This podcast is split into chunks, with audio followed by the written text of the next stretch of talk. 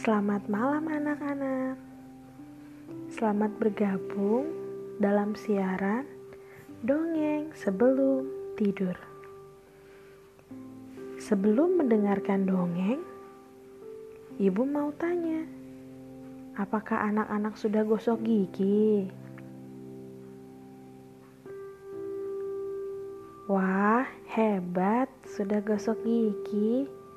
Bagi yang belum, Jangan lupa untuk gosok gigi ya. Nah, sekarang waktunya kita untuk dongeng sebelum tidur.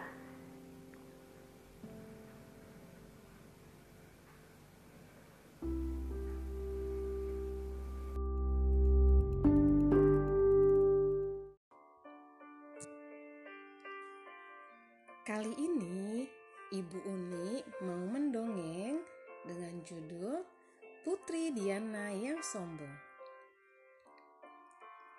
Putri Diana adalah putri yang paling cantik. Sayangnya, ia memiliki sifat yang buruk. Ia suka memamerkan barang yang ia punya.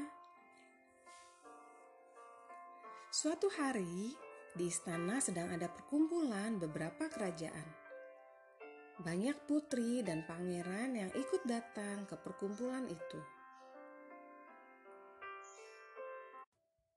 Ah, pasti putri-putri itu tak memiliki perhiasan yang aku miliki.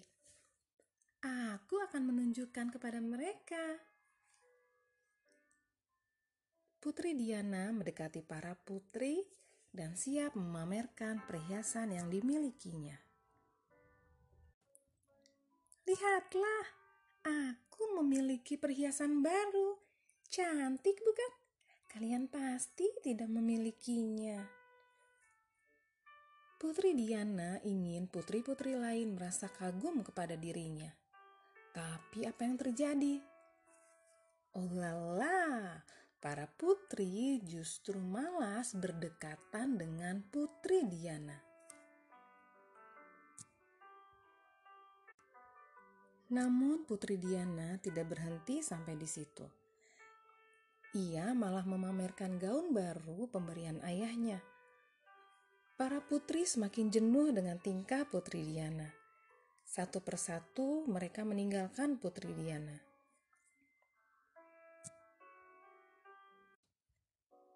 Suatu hari, Putri ingin pergi ke desa. Padahal Jarak dari istana ke desa lumayan jauh. Ia pun harus melewati hutan. Tapi karena ia ingin memamerkan barang yang dimilikinya, ia tetap pergi ke desa. Ia tahu di desa tidak ada orang yang memiliki barang yang seperti dirinya. Ia pun memamerkan barang-barang yang dimilikinya kepada rakyat. Gaun ini sangat mahal. Aku mendapatkannya dari perancang terkenal. Ucap Putri Diana.